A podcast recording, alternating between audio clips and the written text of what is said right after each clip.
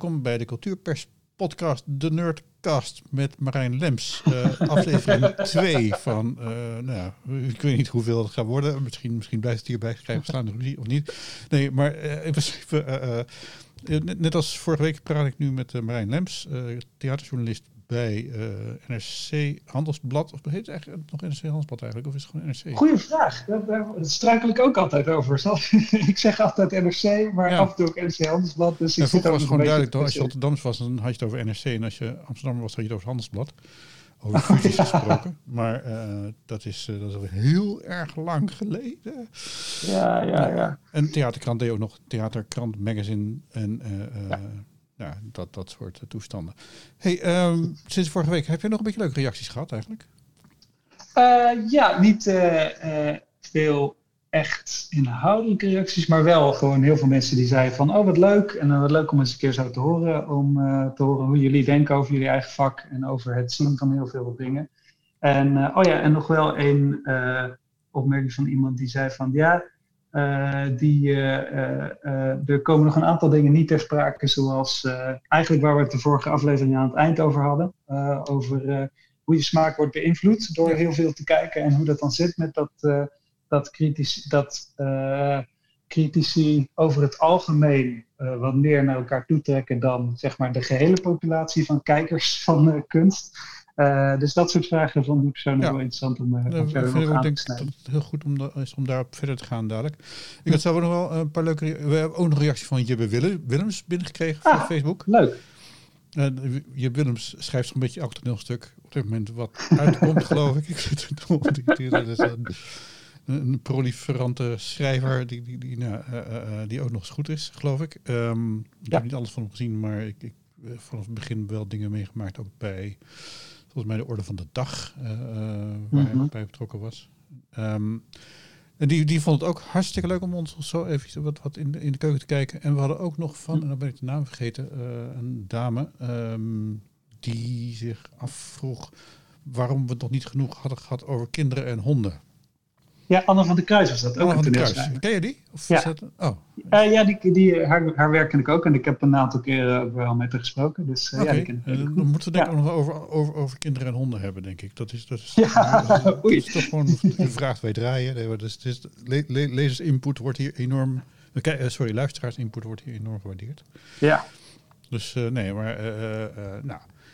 Het is, dus, er kwamen ook nog wat donaties binnen. Daar moeten we nog even wat op verdelen, denk ik. Dat is ook wel fijn om te weten dat dat ook hier werkt.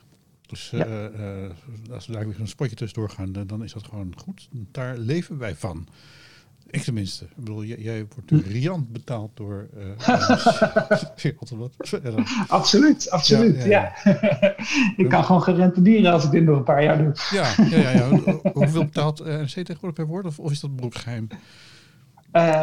Oeh, dat is een goede vraag. Of ik dat, maar, uh, nou, volgens mij nee, is het volgens mij mag je zeggen. Nou, nou, het gewoon niet. Door, ik krijg, ik krijg, oh, ik ja? wilde het wel zeggen hoor, want oh, volgens ja. mij is het geen geheim. Het is, okay. uh, het is 150 euro per uh, voor een recensie. Oh, dat is best aardig. dus dus dat zit dan tussen de 300 en 400 woorden in. En als het meer per, woorden wordt, dan krijg ik nog meer. En het is dus ongeveer 37,5 cent per woord, wat een ja. stuk beter betaald is dan vele andere publicaties waar ik ook wel eens voor schrijf. Ja is bijna zo goed als ik bij het AD kreeg uh, in de vorige eeuw. Ah, de, de, de, de, honoraria zijn alleen maar om, omlaag gegaan in de afgelopen ja. uh, 20 jaar. Dus, dat, dus ik, dat ik heb de gaande spiraal wel gezien. Maar, ja. Nou ja, interessant om te weten, toch weer. Dat, dat, dat, dat, dat RC hm. toch in ieder geval het op waarde schat. Dat is toch wel het hm. belangrijkste. Um, dan, dan hebben, hebben we eigenlijk uh, uh, nou, de, de, de, de vraag van de vorige keer. Ik vond het namelijk ook wel interessant over, over peer pressure. Of peer ja. seduction. Ik weet niet hoe dat moet Ja, precies. Uh, want jij zei inderdaad van dat, dat uh, critici standaard eigenlijk een afwijkende mening hebben van het publiek. Ja, en... ik, las, ik las inderdaad een onderzoek waarin stond van uh, dat, dat ging dan over, dat je natuurlijk ook wel vaak hoort van, van zeg maar liefhebbers die zelf veel kijken. of van mensen die recensies volgen, dat ze zeggen van dat er soms kritiek is op dat de mening van recensenten ver uit de pas loopt met die van het algemeen publiek. En uh, dat, er was onderzoek naar gedaan en dat bleek inderdaad ook zo te zijn. Dat, zo, dat het in ieder geval zo was dat er, in tegenstelling tot waar studio's, grote studio's naar op zoek zijn, er geen sprake van was dat er een algemene publieke smaak was. Dus dat dat ook bij het algemene publiek ver uit elkaar liep. En bij critici ook ver uit elkaar liep. Maar dat zeg maar de range van uh, meningen bij critici minder ver uit elkaar liep dan bij het algemene publiek. En dat die twee verschillende grootheden ook ver uit elkaar zaten. dus dat viel me toch wel op. En dat merk ik ook wel. dat professionele kijkers in vergelijking met het gemiddelde van het grote publiek er vaak een andere smaak op nahouden. Ja, ja dat, ik, ik vind het nog steeds wel opvallend. Ik bedoel, ik, ik kan daar heel erg in meegaan. Hoewel ik ook, uh, zeker toen ik nog veel schreef als recensent, het ook wel vaak wel fijn vond om af te wijken. Maar dat, dat, dat, hm. dat deed ik dan niet bewust, maar dat gebeurde dan. Uh, omdat ik er toch een andere manier van kijken had. Uh, vond ik. En dat bleek ook wel soms. Um, maar uh, dat, dat, dat ik me ook wel eens bedacht van... Kijk, het is natuurlijk een vrij eenzaam vak, recensent hm. zijn. Want ik weet, spreek jij veel mensen na afloop van de voorstelling of vooraf? Socialize jij in, in, in, in, in, in de foyers? Ja.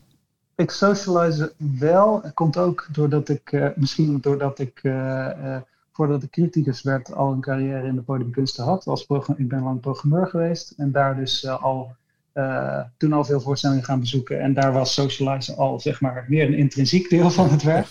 Uh, en zo heb ik natuurlijk veel mensen leren kennen. Dus ik, ben dat, ik ken vaak gewoon mensen na, die er zijn na afloop van voorstellingen. En dus daar ga ik wel vaak het gesprek mee aan.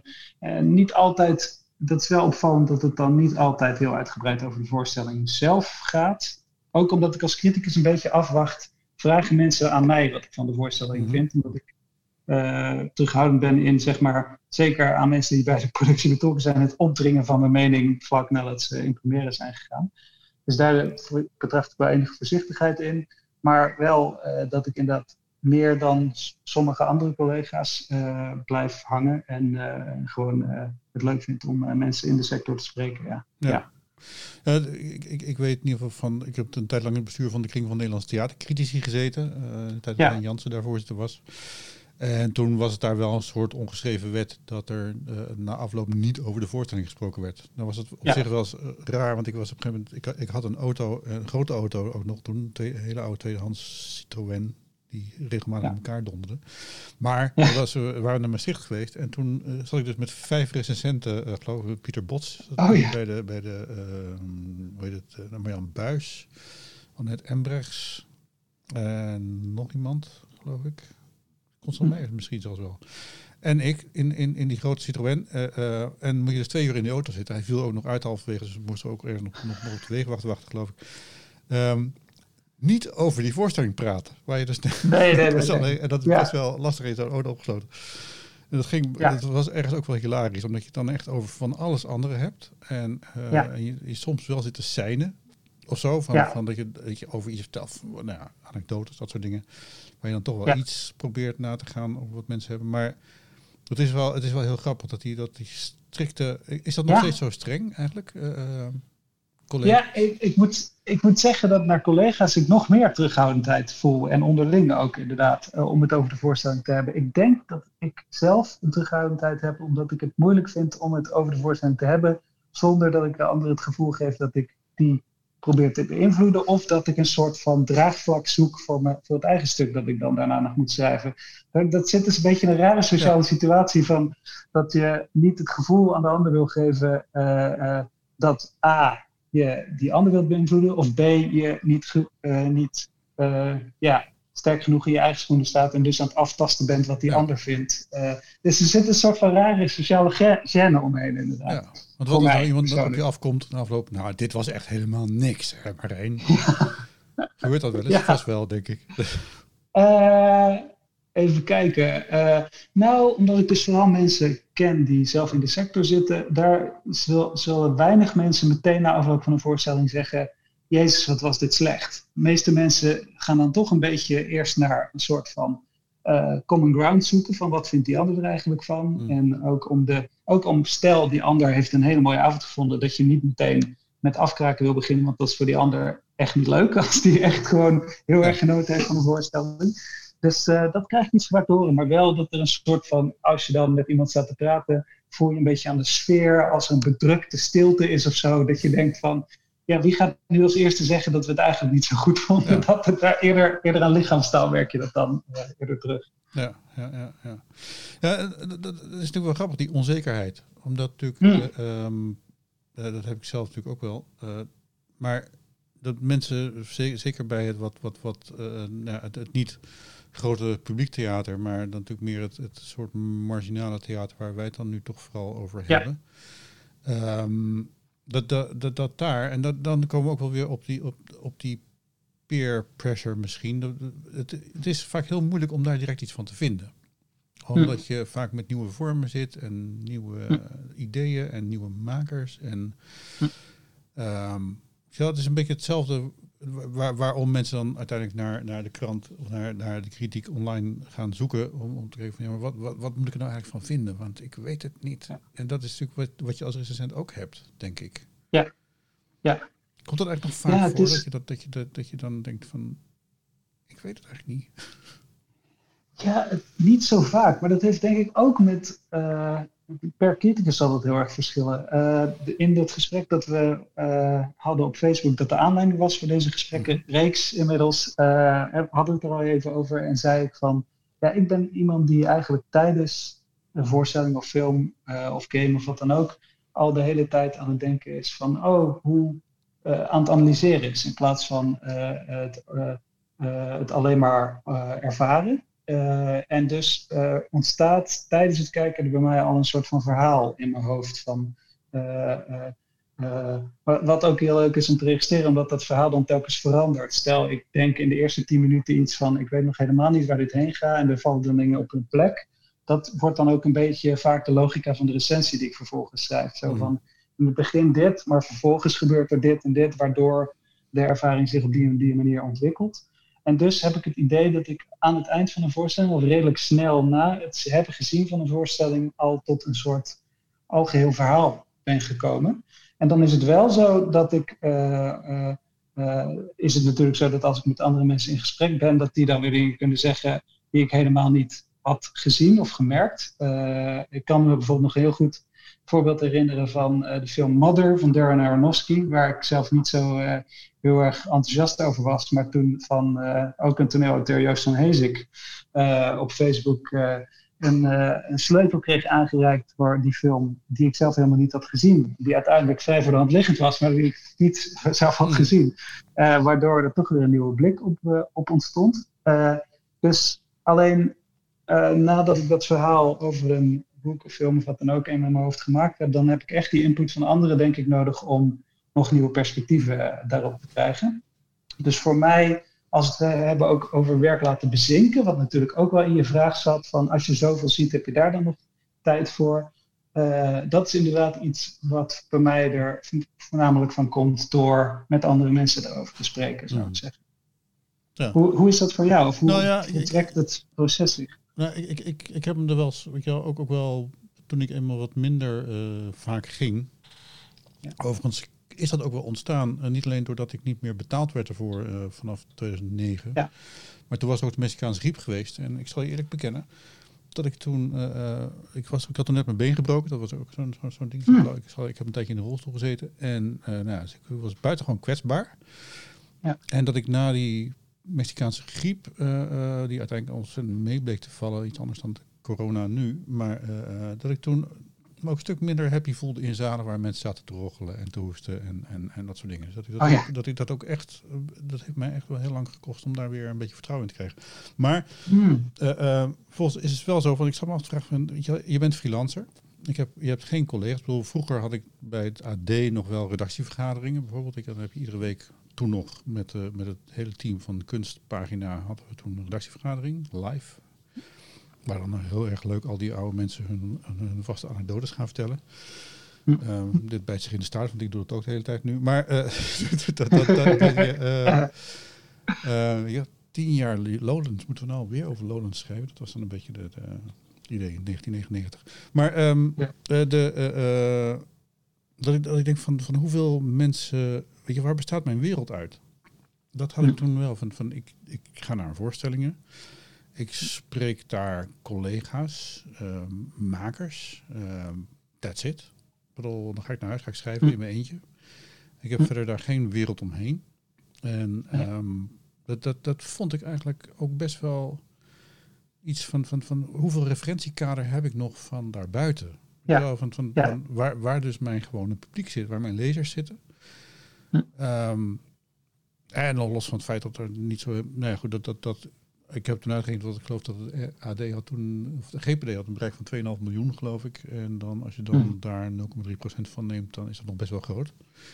Dus Mhm. dat, dat is een beetje van geld voor kunstpagina van, daar we het natuurlijk vorig jaar ook over. Maar weet je, hoe, hoe, hoe, hoe, eh, eh, hoeveel weet ik eigenlijk nog van waar mijn lezer mee bezig is?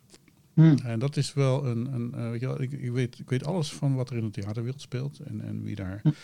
rondloopt. En ik spreek ze, ik ken ze, ik, ik, zie, ik, ik maak hun smaak mee. We zitten natuurlijk altijd ook eh, op premières. En Hm. daar zit natuurlijk ook geen gewoon publiek. Daar zitten ook vrienden, bekenden eh, Ja. en, en, en sponsors en, en dat soort dingen. Dus Mhm. ik ken al die mensen. Wel. Mhm. Ik, ook nog, ik heb nog een jaar lang ook nog alles gerecenseerd wat in Rotterdam Schouwburg kwam. Dat was toen ik voor het Rotterdam Dagblad werkte. Ja. En ja, iedere avond zat ik dan in de Rotterdam Schouwburg. Gewoon omdat Peter Ouwekerk, de, de chef kunst toen nog, van, eh, die, die vond gewoon, die Schouwburg staat hier. Alles wat hier komt, moeten we zien. Dus ik zat, maar toen merkte ik dat ik iedere avond eigenlijk met dezelfde 150, 200 mensen, of ik zo- kwam ze altijd tegen. En, Ja. ehm, en ik had, toen, toen voelde ik me wel soms een beetje beperkt. Ja. En, en, eh, nou, en dan komen we misschien wel gelijk op, op, op kinderen en honden. Ehm, Ja. maar dat, dat, ik heb een mooi bruggetje. Ja. Ehm, ik ga eventjes, daar moeten we even tussendoor voor de sponsors even tussendoor. Dan komen we, dan houden we even vast die kinderen en honden. Dan gaan we eventjes eh, nu, Ja. nu eh, Ben je blij met deze podcast? Laat het blijken met een kleine bijdrage. Kijk op www.cultureelpersbureau.nl/slash doneren en maak ons gelukkig. Dus www.cultureelpersbureau.nl schuine doneren. kinderen en honden hadden we het over. Eh, we- we- we- wij hebben geen van beide kinderen, eh, eh, volgens Nee. mij. Nee, klopt. Hebben we er nog een princi- principiële reden voor? Of, eh, Ah, nee, het is gewoon een langer, ges- langer doorlopend gesprek. eh, ook met mijn vriendin Ja. natuurlijk. Dus eh, eh, eh, we, zij zijn nu iets van vijf jaar samen. En eh, we weten eigenlijk allebei nog niet zeker of we kinderen willen of niet. Dus eh, eh, het is eh, eh, eh, daarmee dat het ook een beetje afhangt van hoe voelen we ons allebei. Op, als we op een bepaald moment allebei zoiets hebben van we willen wel echt kinderen, dan gaan we ervoor. Maar tot, tot nu toe zijn we nog zo druk bezig met, met andere dingen in ons leven dat, het, dat we daar nog niet aan toe zijn. Dus dat is het eerder. Oké, Het is niet nog, nog een ge- algehele afwijzing ervan. Nee. Maar ik, het is een beetje, ik kan me mijn leven op allebei de manieren goed voorstellen dat ik er gelukkig van zou worden. Dus dat is het, eh, dat is het een beetje. Ja, nou, de bekentenis van deze kant is wij wilden ooit wel kinderen, maar dat kon niet. Dus we hebben een hele IVF-procedure toestand eh, gehad enzovoort. Hm. Niet gelukt. Ehm, dus dat heeft dan wel weer dat, zijn eigen kruisje, maar inmiddels overtuigd Ja. eh, kind, kindvrij, om het dan maar even zo te zeggen. Oké. Ehm, maar wel hond, hondrijk op dit moment, eh, eh, Ja. tien jaar alweer. En dat heeft Mhm. een beetje hetzelfde effect. Nou, wel, kijk, eh, als je mensen bij het schoolplein ontmoet, wat, wat nu dan tegenwoordig vanaf maandag wel weer kan, ik. Eh, Ja, ja, mits, mensen niet dicht bij elkaar komen en elkaar niet gaan omhelzen. Dus geen affaires meer op het schoolplein. het schijnt dat daar de meeste affaires ontstaan. Ah, Vaders Oh, ja. die, die, die, die, die- de moeder van Treintje uit klas 3. Nou, maar eh, ehm, en, en eh, eh, dus, dus daar heb je de gesprekken met anderen, weet je wel, wat je ook met collega's hebt. En ik heb met die hond, eh, heb ik dus ook wel, dan ontmoet je, krijg je opeens een sociaal leven wat niets met je werk en met je interesse te maken heeft, met alles met, met de hond die je hebt. Ja. En dan heb je natuurlijk ook wel weer de sociale klassen van kleine leuke hondjes, zoals die van mij. Grote enge honden, zoals die van een, een, buurman die we hadden. Ehm, weet je wel, die, die, die mingelen niet zo heel erg. oké. Maar voor de rest spreek je wel andere mensen. Dat is een beetje, dat zit je ook buiten Ja. die bubbel. Ja. Want Dat is natuurlijk wel een beetje waar, waar, waardoor ik, wel, ik, ik raakte wel getriggerd door wat jij zei over dat onderzoek van die, van die, ehm, die, die dat, dat alle recenten eigenlijk bijna hetzelfde ding. Van in hoeverre, zonder dat je dat nou bewust afstemt, ehm, Ja. je, je, je, vanuit die onzekerheid hou je elkaar dan niet onbewust toch steeds in de gaten. En ja. is, is, het, is het mogelijk om extreem af te wijken van de heersende norm binnen je peergroep? Dat is best wel lastig. Volgens mij. Er zijn natuurlijk traditionele voorbeelden van, zoals de, je hebt een film gekritiseerd, Armand White. Ik weet niet of je hem kent. Ja, ja uh, van. ja, die stelt daar heel erg bekend om, van dat hij extreem afwijkt van, uh, van uh, de gemiddelde smaak van, van zijn collega's. Maar ik denk, hij is ook bekend omdat het zo'n uitzondering is, denk ik. Ja. En, hij schrijft heel mooi. Ik, dus. Ja, ja ik, vind, ik vind hem ook goed schrijven. Ik ben hetzelfde met hem eens. Ja, ja, nee, maar dat, dat, ik vind hem ook heel erg goed schrijven. Om, om het lef en de en, en, Zeker. Stijl. Ja, dus dat... Nee, en dat is denk ik wel een, een tekortkoming binnen ons vak. Uh, dat, uh, dat de diversiteit aan perspectieven nog een stuk hoger mag zijn. Ik bedoel, als we kijken naar de theatercritici in Nederland, zijn die eigenlijk bijna zonder uitzondering wit. en over het algemeen, laten we zeggen, uh, met een middenklasse achtergrond en, uh, uh, en hoger opgeleid. en daar, dat vind ik echt een gemis. in de zin van dat professionele critici eigenlijk ook een breder weerslag van de, van de samenleving zou moeten zijn. En ik denk dat misschien ook dat die smaak zo sterk overeenkomt, ook niet alleen komt door het veel kijken en het op elkaar letten, maar ook omdat die groep critici over het algemeen zo homogeen is. En dat je dus veel meer verschillende stemmen zou hebben als er ook mensen vanuit verschillende achtergronden dat vak zouden gaan beoefenen. Maar dat het een soort van zelfselectie ook is. Uh, of een soort van ja, de uitstraling van de beroepsgroep. Of uh, te weinig uh, outreach naar mensen uit andere groepen om dat te doorbreken. Ja. Nou ja, dat, dat is dan ik denk ook wel omdat, dat vermoed ik dan eigenlijk ook omdat het allemaal freelancers zijn. Ja. En dat was ja. wat ik net dat eerste punt ook had van, van het is een heel eenzaam vak. Je zit in je eentje, weet je, want bedoel, ik nam vroeger mijn vrouw nog wel eens mee. Maar daar komt de laatste tijd ook weer niet zo heel veel van. Zeker sinds we een hond hebben, ook weer. Ja. Uh, ja. Mijn vrouw kan wel alleen zijn, maar de hond wat moeilijker. Die gaat de hele boel in elkaar blaffen. Um, dus ja. dat, dat is wel een, een ding. Maar uh, het is een vrij eenzaam vak. Uh, dus je, je hecht ook zeg maar, aan het sociale netwerk wat je hebt. En als je daar de gekke Henkie bent, Weet je wel, dat je mm -hmm. constant uh, mm. afwijkt. Ik weet dus niet, hè. Ik, bedoel, ik, ik, ik, ik ben me daar niet bewust van. Ik bedoel, het is niet dat, ja. ik, dat, dat ik dat nou doe, maar ik, ik heb dan wel soms het gevoel, zou, zou dat toch dan iets... Daar hebben ze over een paar nachten over nagedacht. Niet de hele nacht, maar dat ik ja. wel dacht van, goh, wat je daar zegt ja. uh, over dat eens zijn enzovoort. Ja. Dus dat... dat, dat ja. ja. Het is een goede vraag. Ik, ik denk ook... Um, uh, ik denk dat de meeste critici zich als non-conformisten zien. Uh, uh, puur vanwege het feit dat er je vak van maken om je, je autonome mening zeg maar, te geven. Dat dat een bepaald zelfbeeld ook met zich, met zich meebrengt. zeker ijdelheid is ook een mis. Ja, zeker. zeker. dus ik denk dat het interessant zou zijn om te kijken van... als ik naar, bijvoorbeeld naar mezelf kijk, dan denk ik wel dat ik met bepaalde verwachtingen, andere verwachtingen naar een bepaalde film of een bepaald uh, theaterstuk ga kijken als ik uh, recensies heb gelezen van mensen met wie ik het over het algemeen eens ben, die zeggen dat het of heel goed of heel slecht is, uh, ten, te, ten opzichte van als dat niet zo is. Dus ik denk dat ook al voel ik alsof mijn, mijn mening en mijn lezing van een stuk geheel autonoom ontstaat, zijn er natuurlijk altijd uh, signalen vanuit de buitenwereld, zoals uh, is deze kunstenaar, heb ik van deze kunstenaar al eerdere werken gezien die ik goed vond? Uh, is deze kunstenaar gevierd? En op sommige mensen zal een gevierd kunstenaar een positieve uitwerking hebben en anderen gaan ervan in de contramine bijvoorbeeld. Maar dat soort dingen, onderdelen van je persoonlijkheid, zullen natuurlijk altijd invloed hebben op, op hoe je schrijft. En, dat zou wel interessant zijn om daar ook een lang gesprek met meerdere recensenten over te voeren. Ik denk bij mezelf zeker dat uh, dat, dat een rol kan spelen. Dat als, als, als ik van een recensent die ik heel erg bewonder, een bepaalde recensie heb gelezen over een film en ik ga die kijken. En dat ik dan merk als hij me niet aanstaat, dat ik dan een bepaalde drempel over moet in mijn kijken. Van dat er een bepaalde richting in mijn denken was die dan waar dan iets tegenin gaat. En ja. dan het eindresultaat zou is, van dat denken is dan misschien anders dan als ik die recensie niet had gelezen. Dat is natuurlijk heel goed mogelijk. Ja, ja.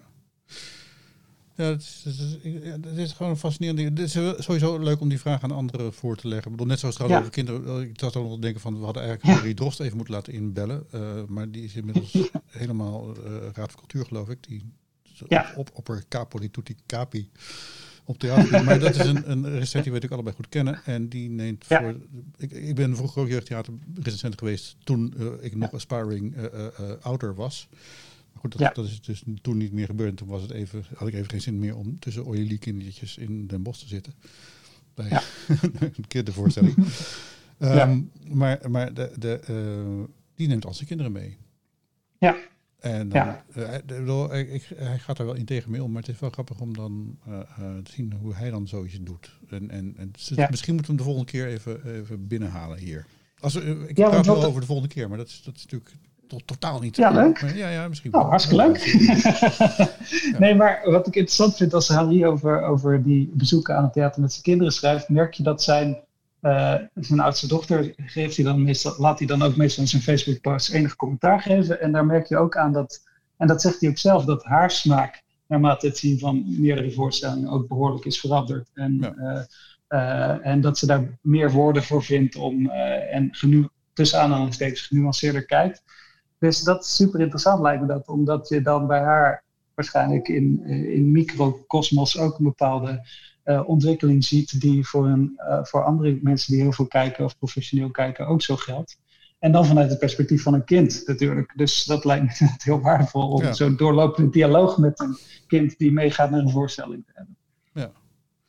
Nou, is het wel het, grappige- het, het makkelijk ook bijna van. van eh, ik heb in de tijd dat ik veel jeugdtheater deed, ik doe, het- doe het nu nog wel eens hoor. Maar omdat Hm. ik over het algemeen jeugdtheater echt vaak gewoon standaard beter vind dan wat er voor Hm. volwassenen gemaakt wordt. Ehm, Ja.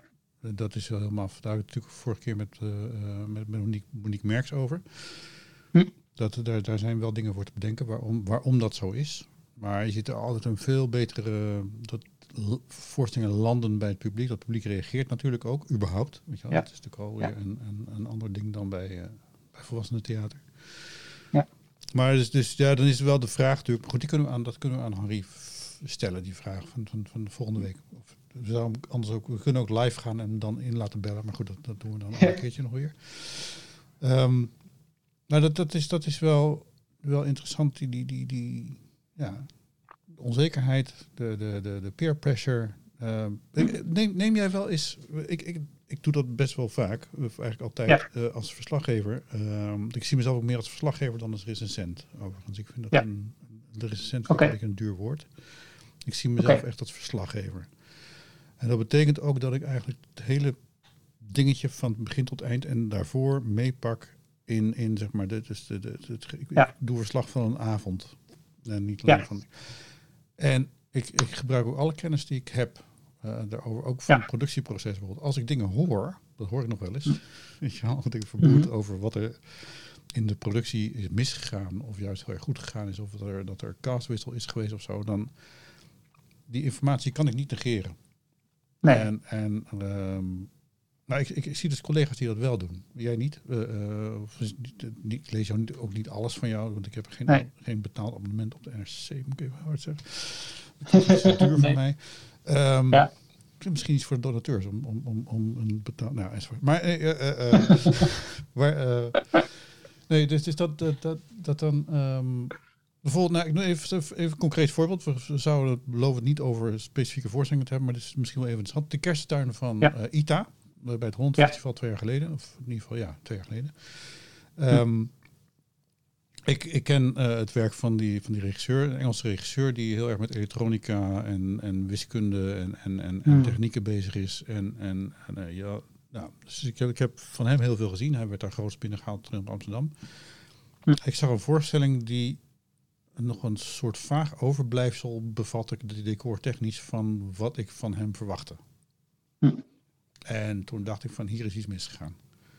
Ja. Er is ergens halverwege een, een bespreking geweest met zakelijke leiding en, het, en een afdeling techniek van eh, jongen, wel, wat jij allemaal wil, dat kan wel zo wezen, maar daar hebben wij het geld niet voor. Ik bedoel, we zijn wel gewoon het festival en we zijn wat in Amsterdam en, en we hebben wel geld dat, wat, wat tegen Clinton oppoest, maar dit gaat niet lukken. Hm. Waardoor dus er nou ja, een soort noodoplossingen voorstellingen stond, dat heb ik Ja. opgeschreven. Dat ik Ja. gewoon eigenlijk ook, gewoon ook hoe ik tot die argumentatie kwam. En ik merkte bij mijn collega's dat die allemaal dat negeerden. Ze gewoon geschreven, Ja. van, die schreef de voorstelling zo en van, goh, wat raar. Dus die nemen de voorstelling zeg maar vanaf half negen tot Ja, half elf. Ja. Ja. En ik neem de voorstelling van drie maanden voor. En, en Ja. ik daar informatie over heb. En nu, om- omdat ik ook weet hoe belangrijk de, dat productieproces is voor het uiteindelijke resultaat. Dat moet jij natuurlijk als maker, je bent natuurlijk ook programmeur. eh, eh, Ja. En, en, en bij, het, bij, het, bij het Huis Utrecht natuurlijk ook, ook lang eh, bij alle facetten betrokken geweest. Ja. Ik, ik heb zelf twee voorstellingen gemaakt als regieassistent bij het Nationaal Toneel en het Zuidtoneel. En in Hmm. Ah. beide gevallen heb ik enorme eh, factoren namelijk gehad van, productie, van het productieproces die gigantische invloed hadden op het uiteindelijke resultaat. Ja. En eh, dus sindsdien neem ik dat eigenlijk altijd. Dus eh, dat, dat, dat was 1991, dus eh, en ik ben pas recent sinds 1996. Dus maar Ja. dat is wel een soort factor die ik altijd. Ik, ik heb een. Nou ja, ik, ik, ik kan daar heel veel anekdotes over vertellen. ja, ja, ja, ja interessant. Maar, maar het, weet je, hoe, hoe is dat voor jou? Nou, ik denk, ik neem. Kijk, het is een beetje een afweging. Want ik probeer alles mee te nemen dat, er, dat relevant is voor de ervaring die ik heb gehad bij het kijken van de voorstelling. Dus stel, er zijn eh, eh, dingen van het productieproces die ik weet die daar een rol in hebben gespeeld, dan probeer ik die in het stuk te verwerken. Maar het is ook zo dat ik vaak dingen hoor die off the record aan mij zijn verteld over het productieproces, die niet in de publieke arena al zijn gekomen. En dan kan ik ze niet in het stuk verwerken, omdat die in vertrouwen aan me zijn verteld. Eh, dus dan probeer ik. lastig? Eh, ja, ja, maar ja, dat geldt natuurlijk altijd voor journalistiek in je bedrijf, toch? Er wordt je heel veel dingen off the record verteld. Dat, dat vormt je denken over, over allerlei onderwerpen waar je mee bezig bent. Maar die kun je toch niet delen omdat ze je off the record zijn verteld. Dus dan probeer je er een, eh, met die inhoud tot een vorm te komen die er niet van afhankelijk is dat het je op die en die manier verteld is, maar die iets laat doorschemeren daarvan. Eh, en dat kan allerlei vormen natuurlijk aannemen, maar ik probeer, wat, ik probeer in ieder geval mijn bronnen daarin te beschermen Ja, en het eh, vertrouwen Ja. van, eh, ja, Ik, ik gebruik trouwens ook En nooit niet informatie. Hè? Dus dat is wel Nee, even duidelijk. Van, Nee. Dat is een, eh, de, even, even naar alle mijn bronnen. Nee, precies. Dat- Nee, precies. Dus dat is een soort, van- dat is een soort van afweging. Eh, en ik denk wat jij zegt, wat, wat je zegt over de critici die alleen de voorstelling zelf bekijken, daar vind ik ook wat voor te zeggen, omdat je dan het puur het kunstwerk aan zich en de ervaring die jij hebt eh, met het kunstwerk eh, eh, bespreekt of probeert zo afgekaderd mogelijk te houden. Nu vind ik dat zelf lastig, omdat ik, zoals we net besproken, natuurlijk in mijn blik alles meeneem wat, wat ook de omstandigheden betreft.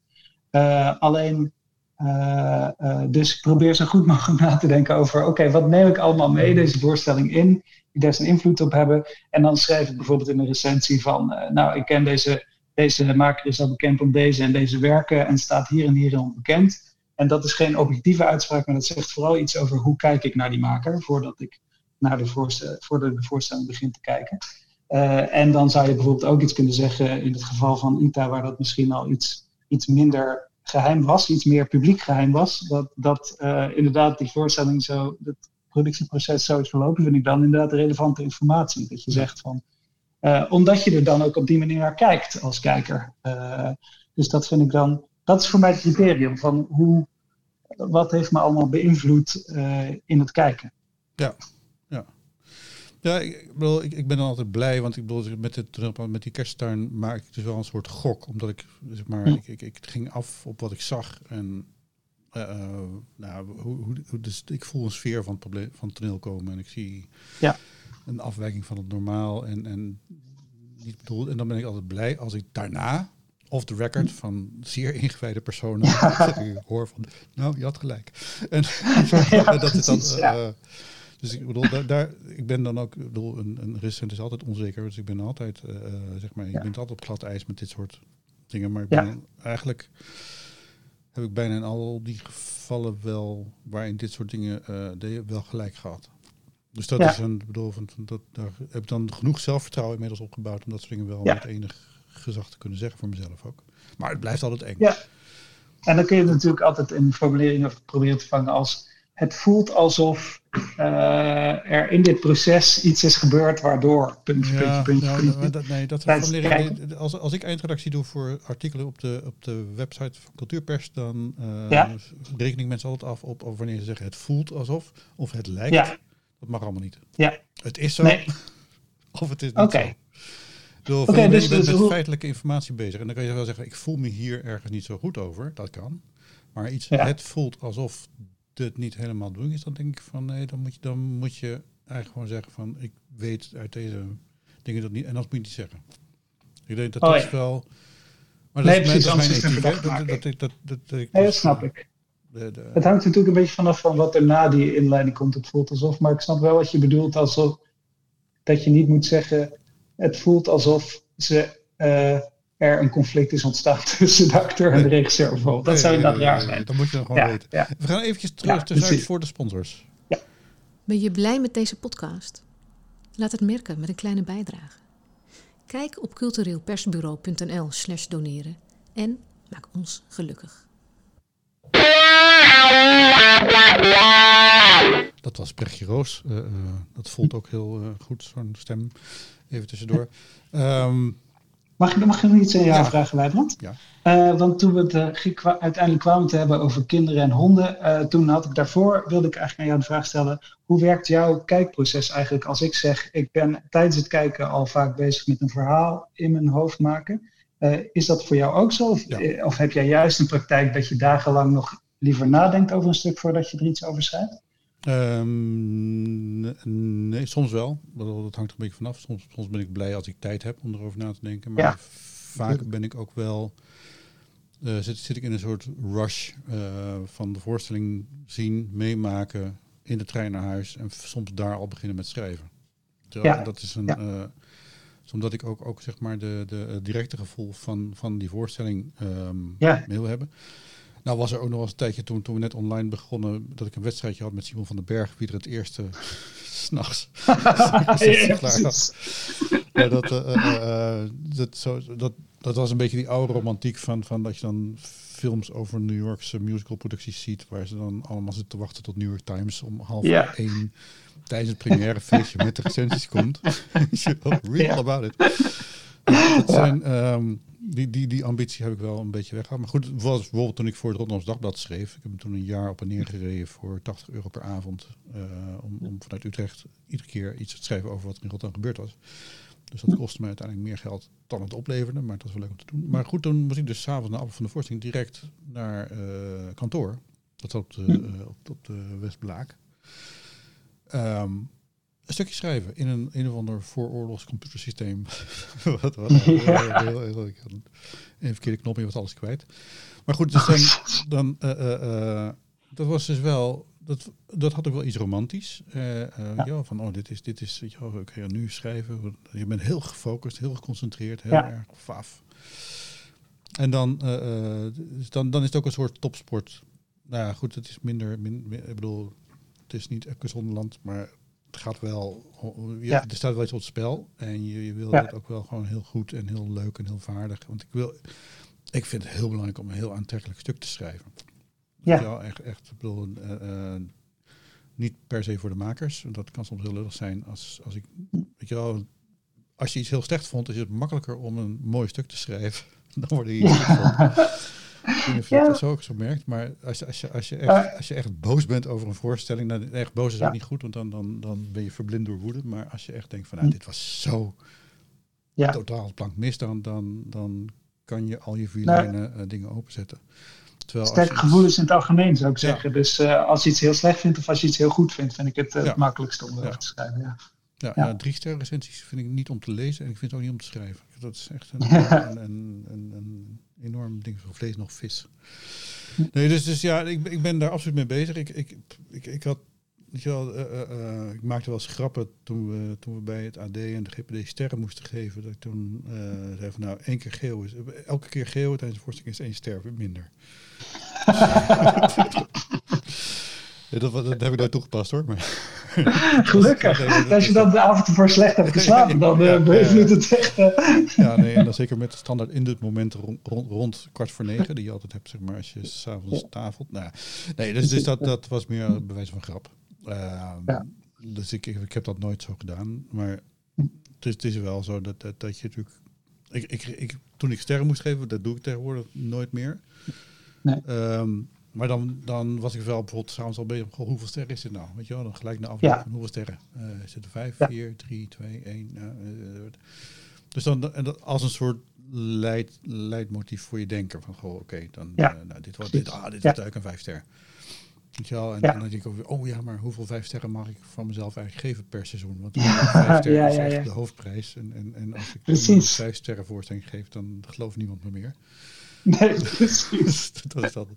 Dus kut, oké, okay, we moeten deze vier sterren maken, maar waarom maar vier? Weet je wel? En, en ja. nou, drie sterren vond ik altijd verschrikkelijk. Want die, dan weet je ook, die worden niet gelezen. Dat is ook mm, een van Willem Drek van de Volkskrant ook.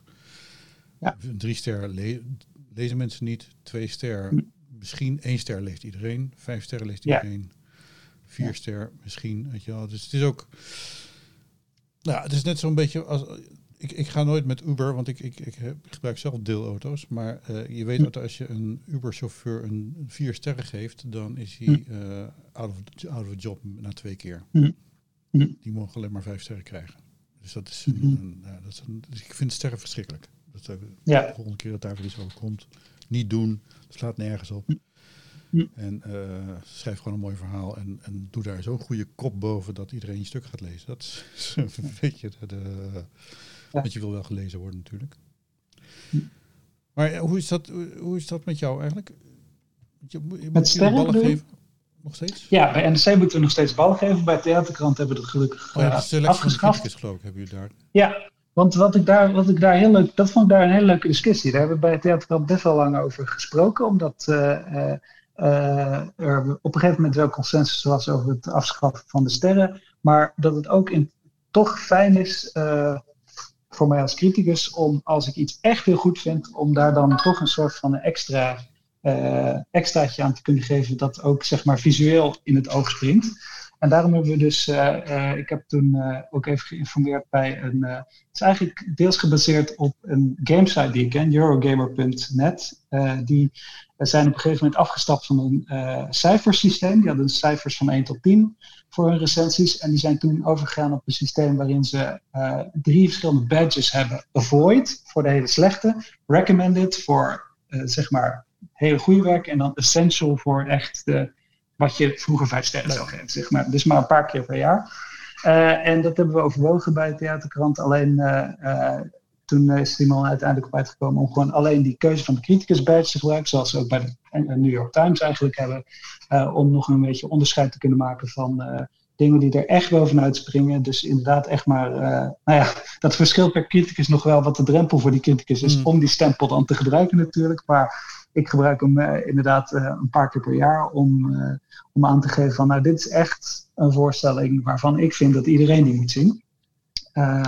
En dat vind ik toch wel heel fijn. En wat, wat mezelf betreft is, ik ben zo gewend, omdat ik alles wat ik zie ook categoriseer, omdat ik de lijstjes op het einde van het jaar altijd maak, om een bepaald, uh, om toch met sterren in mijn hoofd te werken. Dat ik inderdaad kijk uh, bij het zien van een voorstelling, gaat het zoals jij net zei. Dus dat, dat het begint bij, altijd begint bij op drie sterren en dan uh, kan het gaan naar vier sterren en dan toch weer terug naar drie sterren tijdens het kijken. Uh, omdat ik in mijn hoofd een beetje een systeem heb van, uh, oh ja, dit, dat, dat, het gevoel dat ik heb tijdens het kijken naar een voorstelling en dat omrekenen tot sterren, omdat ik dat dan ook in de Excel-bestand helemaal bijhoud. Alles wat ik heb gezien, zodat ik een beetje een overzicht heb van wat ik echt de moeite waard vond. Dat dat wel mentaal. Oh, je loopt even vast. Um, dus misschien moet je even, uh, dan hebben we weer het vaste moment op 44 minuten uh, van deze podcast. Loopt Marijn uh, Lems altijd even vast. Dan gaat hij waarschijnlijk even opnieuw inbellen. Hoop ik. Um, ja, of mijn, oh, mijn eigen, mijn eigen computer loopt vast. kijk hoor. Hi. Hallo Marijn. Ja, ben je daar? Ja, hoor je me? Ja, ja. Ik, je bent weer terug in de uitzending, maar nu via de telefoon. Want mijn draadloze oh. verbinding liep eruit. Oh shit, oké, goed. dus dus uh, Bij deze. op de een of andere manier is uh, de, de boel hier even fout gegaan. Uh, misschien dat een stofzuiger er Oké. tegenaan gelopen is. Ehm, maar je bent wel via Bluetooth nog zelf in, in, in de opname, dus dat, gaat, gewoon- dat loopt gewoon Ja. door. Ehm, Oké. Dus dan, dan, dan weet je dat. Eh, wat, wat, wat, wat, we, want we waren al een beetje aan het afronden. Eh, ik zet je Ja. een beetje eh, neer, want we zaten al op de 45 minuten. Ehm, dus is het, is nu ehm, even van belang om eens te kijken, want waar, waar waren we ook weer gebleven? Je, je was iets aan het vertellen. Ja, het ging over de sterren. Over, eh, Ja. eh, dus eh, ik had verteld over dat, die overstap bij Theaterkrant naar dat ja, badges ja, ja, systeem. ja, ja, ja, ja, ja. En toen zei ik nog dat het in mijn eigen hoofd wel altijd nog met sterren te maken blijft hebben als ik een voorstelling of film aan het kijken ben. Omdat ik zo gewend ben om zelf, eh, eh, hou ik zeg maar eh, een systeem bij waar ik alles wat ik zie, schrijf ik de titel en de maker en, en, een, en een aantal sterren bij op, zodat ik makkelijk overzicht heb van wat vond ik door de jaren heen echt de moeite waard. En aan het eind van het jaar, als ik mijn top 20 lijstje van alles door elkaar ga maken, dat ik dan ook een beetje een, een rangorde al heb. Ja. Dus bij mij is het wel zo, zoals wat jij net zei, dat als ik in een film of iets aan het kijken ben, dat, dat, dan ook, eh, dat ik dan ook makkelijk kan zeggen op ieder moment van, oh, hij begint nu naar vier sterren te bewegen of naar vijf sterren. En oh shit, deze keuze vind ik dan weer niet zo geslaagd. En dan zakt het weer een beetje, dat het zo eigenlijk zich Ja, ja, je kan een soort grafiekje maken. Eh, ik, ik, ik ben volgens mij, ik probeerde dat ook net even te bedenken, maar eh, ben je wel eens eh, 180 graden gedraaid bij een voorstelling? Dat, dat je begon met een één ster gevoel en eindigde met vijf sterren of juist andersom? Of dat je ook na afloop, zeg maar, dat je- Ja, ja. ehm, ik weet niet of het zo extreem is, maar wel dat ik soms, eh, en dat vind ik hele toffe ervaringen, dat je denkt, dit slaat echt helemaal nergens op. En dat er dan op een gegeven moment een kwartje valt, of Ja. iets op zijn plek valt, waardoor je denkt van, oh, de maker was echt zoveel verder dan ik in het bedenken hierover, of, eh, of was me zo ver voor. Eh, en dat zie ik nu. Dat vind ik echt geweldig, omdat het dan een beetje te maken heeft met, dan voel ik ook dat de maker eh, ehm, eh, ja, echt eh, heel slim iets heeft opgebouwd. In de zin van dat, de, dat dus mijn denken merkbaar een andere kant op stuurt tijdens het kijken. Dat vind ik een heel grote verworvenheid van goede kunst. Van Ja. dat je perspectief zo kan worden gekanteld. Ja, ik, ik, ik heb dat volgens mij ook wel een paar keer gehad. Eén of twee keer, denk ik. Dat ik en dat, dat is ook een van de redenen waarom ik na afloop nooit tegen mensen zeg hoe ik het vond. Direct, omdat ik dan Mm. weet van er komt nog een treinreis aan.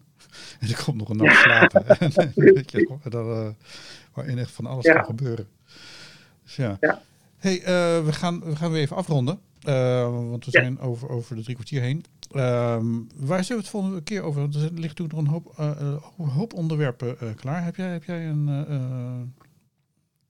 Ja, wat, ik- wat ik leuk vind is misschien als je wil om het echt een keer over jeugdtheater te hebben, omdat er, daar speelt een vraag zich af die ook bij het glastheater speelt. Soms is ehm, als je kijkt, moet je dan door de ogen van het doelpubliek kijken of niet? Eh, en dat geldt zowel voor jeugdtheater als bijvoorbeeld voor, oh sorry, als bijvoorbeeld voor eh, ehm, werk dat eh, voor commercieel werk, zullen we maar zeggen, voor werk van producenten, dat soms eh, waar soms recensenten zich de vraag stellen van kijk, ik vind het zelf gewoon niet goed, maar ik zie dat het goed gemaakt is voor het publiek of het publiek is. En hoe moet je het dan schrijven? Dat, is, dat vind ik een, eh, een vraag waar ik soms eh, gesprekken met andere recensenten ook over. Vind ik een goed, vind ik een goed, een goede insteek. Daar, daar, laten we daar volgende week eh, in ieder geval laten we beginnen met jeugdtheater. Misschien is het ook wel leuk om dan nog even iemand te laten inbellen. Als iemand denkt van, goh, ik, Ja. ik ben tot zover gekomen in deze uitzending, in deze, deze podcast.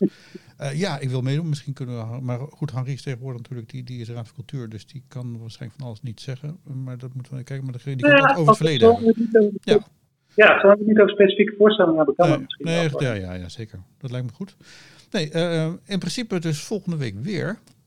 Eh, bij deze. Eh, eh, dan gaan we nog een kleine oproep voor de sponsors. Ehm, en eh, dan zou ik zeggen, eh Marijn Lems, dank voor deze drie kwartier. eh en kijk, in, kijk je in het hoofd van, van de theaterjournalist. En eh, volgende week gaan we nog een graadje dieper. Ben jij blij met deze podcast?